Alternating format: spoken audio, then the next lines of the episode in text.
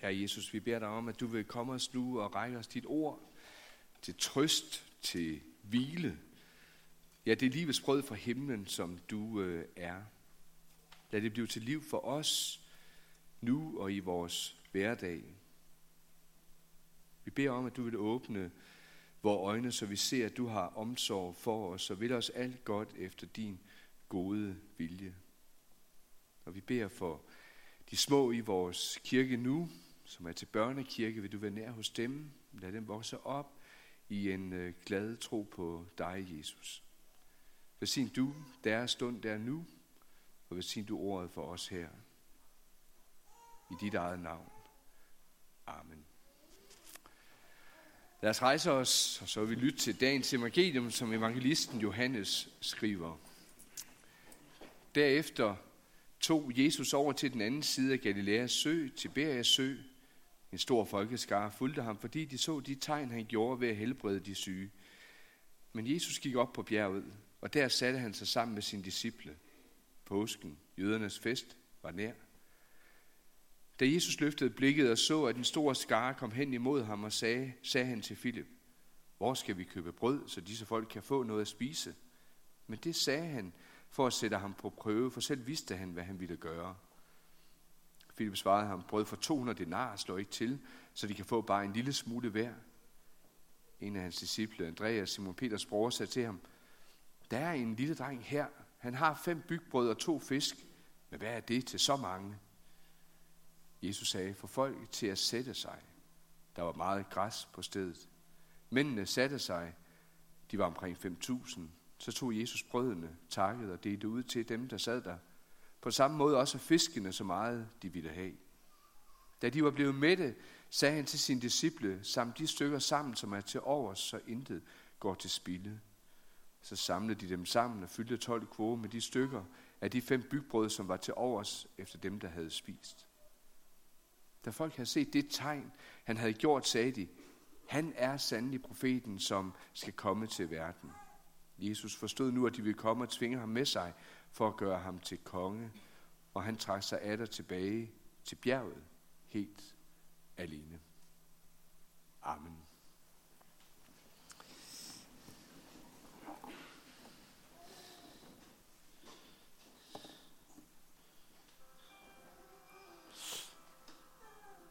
Sorry. Den kan jeg se, at jeg lige er nødt til at tage. Hej Louise. Tak fordi du var ingen og forstyrre mig her midt i prædiken, men siden det er dig, så er det jo nok vigtigt. Nå, det var det ikke. Jeg ved ikke, om du kender den her situation. Man, øh, man er til øh, midt i et eller andet, et møde, en samtale, måske i gang med at holde en prædiken, og så ringer, ringer telefonen, og man er selvfølgelig nødt til at tage den. For tænk nu hvis, at det var noget vigtigt. Tænk nu hvis, man gik glip af noget. Tænk nu hvis, at jeg virkelig fik lov til også at vise, at der er nogen, der vil mig noget. Og ringer telefonen ikke, ja, så findes der rigtig mod, mange gode muligheder for ellers også at være online på den her. Direkte på nettet. Man kan også få den i en lidt større udgave med en uh, iPad og hvad ved jeg. Der er meget, der gør for, at vi uh, altid kan være, være på. Som jeg oplevede det med en, hvor jeg var til en samling øh, her tidligere på ugen i en gruppe. Han sad stolt og, og hævdede, at han har haft sin gamle mobil der i rigtig mange år. Og nu sad han så med en ny smartphone, og i løbet af de par timer, vi var sammen, så ringer både den gamle mobil nogle gange, og samtidig kunne han også noget være online på den nye. Ikke fordi jeg ikke forstår ham, det er jo nyt legetøj, men jeg tænkte, hold fast, hvor har han dog øh, travlt. Og man kan jo lige frem gå hen og blive afhængig af det her, altså online abstinenser. Det ved ikke, om der er nogen af jer, der kender, eller mail abstinenser. Vær væk to uger på ferie, og øh, prøve at love sig selv, og ikke mindst konen, at man ikke skal se uh, mail, og i hvert fald ikke øh, svare på dem. For så at kunne være nærværende med familien, være nær ved dem, man egentlig er sammen med. For at finde en ro, for at kunne koble af, for at kunne være i stillhed med Gud. Det kan faktisk kræve disciplin. Det kan faktisk kræve god lydighed, ikke mindst med nogle regler, man selv kan sætte op for sig selv i sit eget liv her i fasetiden. Og det kan kræve øvelse. Bespisningsunderet, som vi lige lyttede til, det står på en måde som en dyb kontrast til ellers alt, hvad vi ofte tænker på, når det gælder her med, med fastetiden.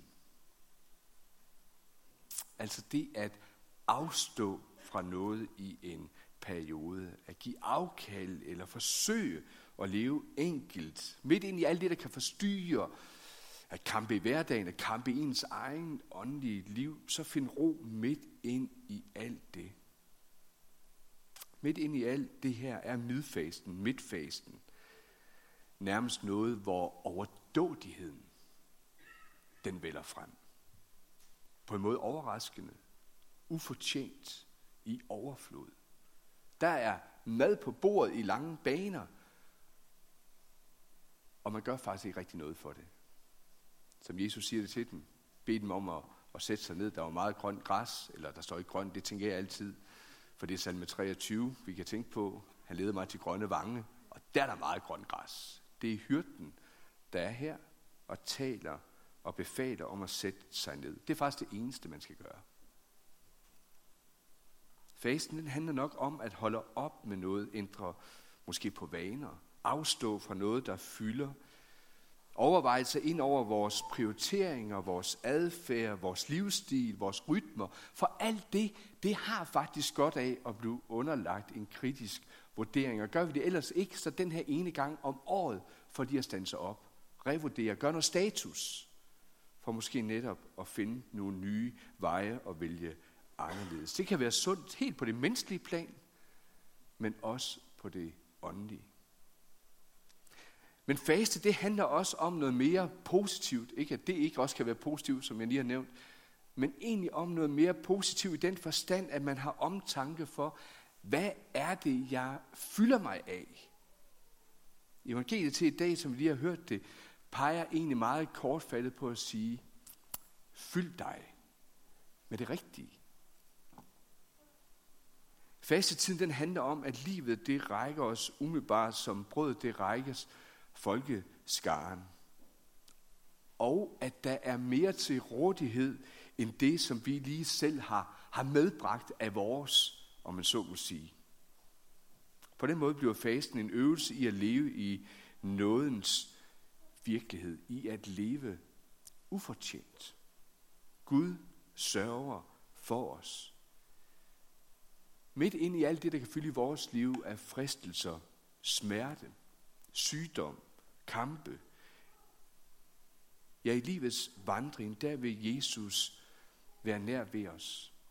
Han vil tage del i vores liv, han vil bære os, han vil sørge for os. Han er det daglige brød til læme og sjæl, sådan som vi beder det fader, hvor gjorde det for lidt siden. Giv os i dag vort daglige brød. Det rummer hele den her dimension.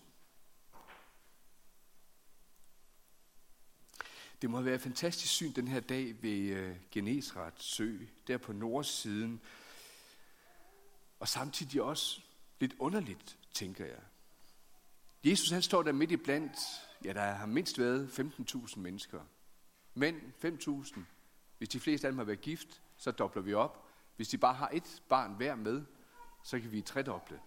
Så vi taler også om mindst 15.000 mennesker, der har været her, som tager et stykke af af brødet, og der blev bare ved med at være brød. Stykke for stykke. Brød og fisk i lange baner, og det står en dag, at der var en mængde til overs. Der er ikke noget at citere, at folkeskaren har oplevet det her som et stort under. For det er vigtigt at lægge mærke til det her, et under som det er, men at der egentlig er noget, der sker og bliver givet, og det sker i overflod. At Gud giver i overflod. Han giver ikke kun lige, så der er nok. Ja, han vil mætte os med sine gaver. Han vil trøste, og han vil give håb med sit barmhjertige nærvær. Men når Gud går ind også og velsigner, så bliver der meget af det. Det synes jeg faktisk også er en dejlig opmuntring at få ind over ens eget liv. For det, som vi måske nogle gange kan synes som smule, det vi synes, sådan, vi kan komme og bidrage med, både til Guds riges arbejde, hvad vi ellers også bare kan have sådan mellem hænderne, hvad vi kan sige, hvad vi kan gøre. Det kan se ud som smuler med det, vi magter og formår. Men med Guds velsignelse er det stort og i overflod. Jeg synes, erfaringen den viser ikke så sjældent, at bare en, en lille ting, det kan være en venlig opmærksomhed, det kan være det lille rette ord på det rette sted, som kan få stor betydning. Når man nogle gange hører mennesker se tilbage på deres liv, så er det ikke altid alle tingene, de kan huske, men det var de nogle gange de små ting, som fik en særlig stor betydning. Måske ligefrem kaste noget ind på en livsvej, der ændrede. De ting, vi kan være med til at bidrage og gøre i Guds velsignelse, de kan række langt videre, end vi aner. Det er værd at lægge mærke til, ind i den her sammenhæng, at det er Jesus selv, der tager initiativet. Han er herre over situationen, selv det her med at, at prøve Philip og så videre. Drengen giver, hvad han har, og med det skaber Gud miraklet. Han mætter, han giver i overfloden, han er hyrden, han har overblikket. Han nærmest siger, der er nok at få for livet her hos mig. For så vidt kan man måske egentlig spørge, hvad er det største mirakel her? Er det på magisk vis at kunne multiplicere brød og øh, fisk i øh, lange baner? Er det at forvandle nogle menneskehjerter, også den her dag, så det, der var deres, og det, de fik, det gav de ud af, det delte de med andre? Eller er der måske endda det endnu større, at de ser Jesus i det rette lys og bliver overbevist om, at han er den, han siger, han er, og han er den, der kan mætte deres sjæl og stille deres sult i livet, både nu og til evig tid. Spørgsmålet er, om ikke at det er det største under, der sker den dag. Jeg tænker nogle gange, at vi kan komme til at stige os blinde på brødet, for det er jo et bespisningsunder, og selvfølgelig handler det om brød og fisk, og det er altid det, vi ser symboliseret her, de små fem bygbrød og de to fisk. Men egentlig er de jo kun symbolet på noget større. For der er nogle gange det med brød eller med mad, at vi jo også selv kan have vores forestillinger om, hvad det er for noget mad, vi gerne skulle have. Sådan var det for eksempel for folk i ørkenen, som vi hørte til før, hvor Gud også gerne vil lære dem at vandre tæt med, med sig. Og sådan var det måske også for folket den her dag i, i folkeskaren, at det de egentlig fik, at det blev hverdagskost. Manna i ørkenen var hverdagskost. Brød og fisk, det var der sådan set ikke noget særligt i. Jeg er faktisk sikker på, at de fleste af dem, de har måske fået det dagen før, og de vil få det igen dagen efter. Så det Gud, han går ind og giver dem, er egentlig ikke noget stort anderledes. Men det er faktisk hverdagskost. Måske har der siddet nogen derude på, det er bare min forestilling, der har tænkt, har han ikke andet at diske op med? Altså, lavret vin, lavret vin, fede retter, altså alt det, vi har læst om i Gamle Testamentet, hvis han er profeten, hvor blev det af? Vi kan måske også komme med vores forestilling om, hvad vi har brug for. Vi kan komme med vores egen forestilling om Gud, eller egen forestilling om, hvordan Gud han gerne skulle handle, eller hvordan han er. Og så kan vi måske ikke komme til helt at opdage, hvad er det, og hvordan er det, vi kan mættes.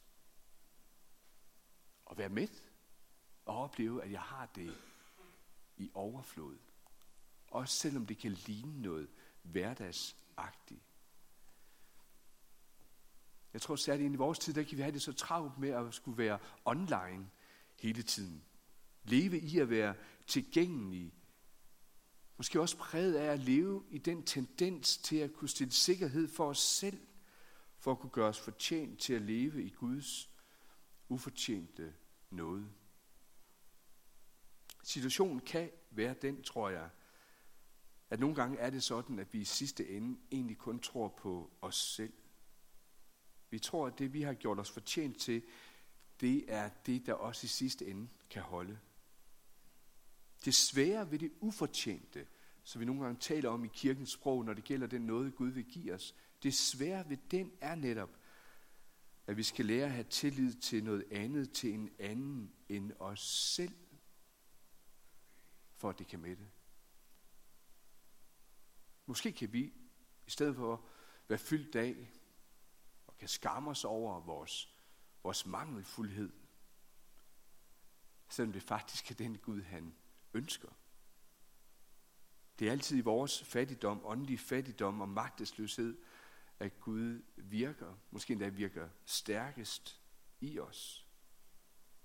Når alt, hvad vi har, er vores egen magt og styrke, ja, så kan vi gøre mange ting. Det kan vi også i en kirke som den her, i egen kraft og magt. Men på en måde kan man egentlig gå hen der og blive det, jeg kunne kalde funktionelle ateister. Forstået på den måde, at det kan godt være, at vi tror, at Gud eksisterer. Men vi handler som om, at det ikke rigtig betyder noget for os. For vi skal nok klare det her selv. Jesus vidste, hvad de havde brug for. Han gav dem den rette mad, også selvom det mindede om deres hverdagskost. Det var en gave, som, hvor han viste, hvem han var. Det brød fra himlen med stort H fra Gud selv, der kommer ned til verden for at mætte. Mætte her i livet. Mætte alle åndelige behov. Også mætte, så man finder meningen med livet. Og som giver i overflod og som rækker til et evigt liv efter døden. Der er et liv efter døden, hvor kun troen på Jesus Kristus giver adgang. Det må du også besinde dig på, også i en tid her i fasten, også frem mod, mod påsken.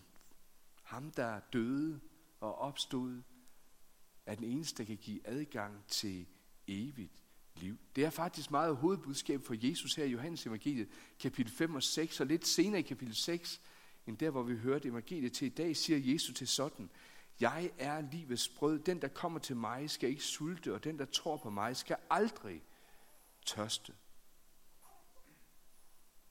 Jesus han viser sig som den sande hyrde, som frelseren. Han viser, hvad der holder midt i alt det forgængelige, og midt i vores egen bestræbelser man kan måske egentlig koble det sådan lidt op, at det underfulde, det overnaturlige, som det her under jo virkelig er, sker på en måde midt ind i det hverdagsagtige og kendte. Så det, at Jesus kommer ned og virker overnaturligt, kan sagtens ske på en måde, der minder egentlig det, jeg kender fra min hverdag. Og så sker det alligevel på en måde, så han overstiger en hver forstand folkets forventninger, så de bliver grebet af det. Jeg ser på den dag, var der nogen, der erfarede det i stor grad. Nogen, nå ja, jamen det var der noget, og så gik de også hjem igen. Selv på det under den dag på Jesus, var der forskellige reaktioner. Sådan kan det måske også være i dag, når vi lidt senere her i gudstjenesten fejrer nadver. Der får vi et glimt af brød under igen, men egentlig noget, der er langt mere end det bespisningsunder, der skete den her dag ved Genesaret sø. Når vi takker og bryder brødet om lidt, ordene lyder til enhver af os, dette er Jesu Kristi læme. Som sagt er det egentlig større under. Brødet, der blev givet den dag ved Genesaret, som mættede dem, det gav dem lige til dagen og vejen. Det brød, som vi får senere, det er lidt, i den forstand mætter det ikke fysisk, men med hele Jesu fylde, der mætter det. Nu og i al evighed. Som Jesus siger det, den, der spiser det brød, skal leve til evig tid. Det er jo virkelig stærke ord.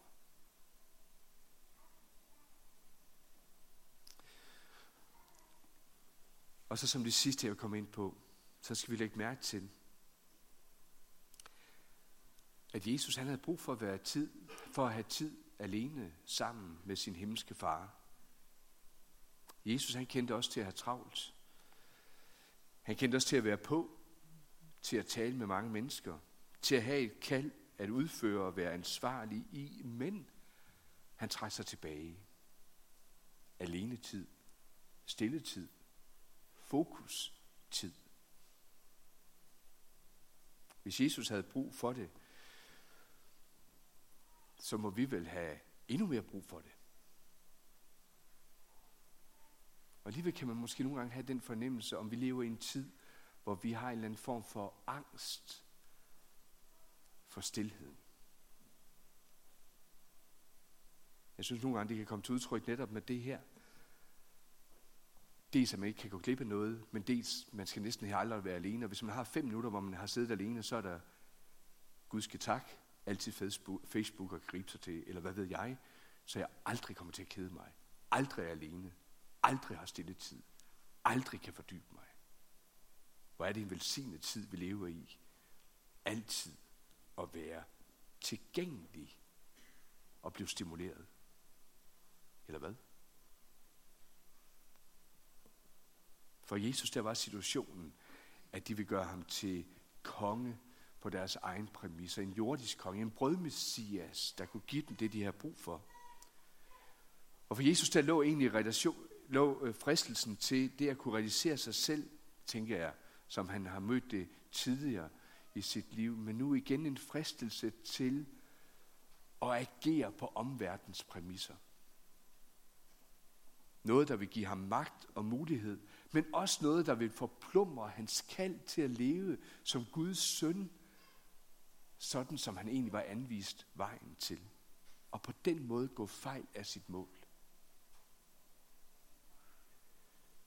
Jesu reaktion var, som der står, han trak sig af det tilbage til bjerget helt alene. Selv disciplene trak han sig væk fra. Så meget vil forstyrre, fordi noget lettere handler om mig og mit liv her og nu. Også selvom det kan være rigtig gode ting. Vores kristne liv, vores tjeneste, vores egne behov, selvom noget af alt det kan i sig selv måske være godt nok, men det må aldrig blive en undskyldning for os, for at vi ikke kan være der, hvor vi kan være sammen med vores himmelske far. Sætte tid af, eller finde den gode ro til nærvær med ham. Jeg skal gerne indrømme, jeg synes faktisk, det kan være svært til tider, fordi der er så meget, der vil sætte dagsordenen. Også selvom jeg kan i Guds riges arbejde kvittere meget af, at det lyder fromt og godt, meget af det. Så det er vel i orden. Man kan vel på en måde godt søge Gud og være der, og så alligevel ikke være til stede. Så man faktisk ikke oplever samtalen ordentligt. Jeg ved ikke, om du kender det at sidde i et rum. Du er til stede, og alligevel så er du ikke til stede. Du er ikke nærværende. Så er der lige mailen, der lige skal tjekke, og så ringer lige telefonen, eller du hører lige, der kommer en besked, og den er nødt til at se på. Og man sidder egentlig og snakker, men blikket det havner et, et helt andet sted.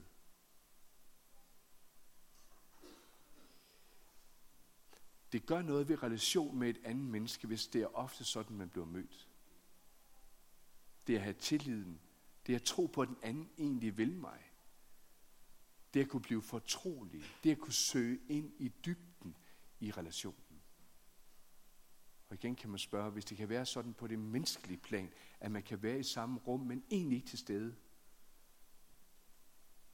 Hvordan vil det så være i mit gudsforhold, hvis det er sådan, jeg er sammen med min himmelske far. Også her skal jeg gerne indrømme, at disciplin og det at øve sig på nærværet, det er sundt, gavnligt og nødvendigt. Det kan jeg bare spørge min kone om.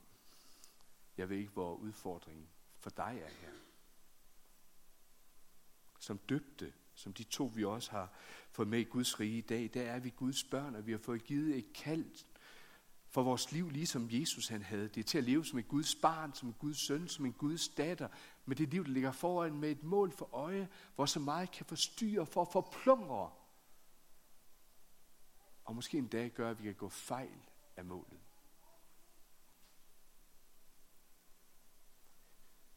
Her er det, at vi på vejen hjemad får givet de gode muligheder til at være i det her nærvær, han har sagt mærke, også Gud, når han taler igennem bibellæsningen, igennem bønden, stillheden i aften. Måske skulle du prioritere at bruge en time fra kl. 19 til 20 og være til puls, eller måske på en anden måde fra kl. 15 til 10 være til skriftemål, og være der, hvor du får givet gode platform til at søge stillheden, nærværet, lukke alt andet ude, fordi du måske er dårlig til at skabe den disciplin for dig selv.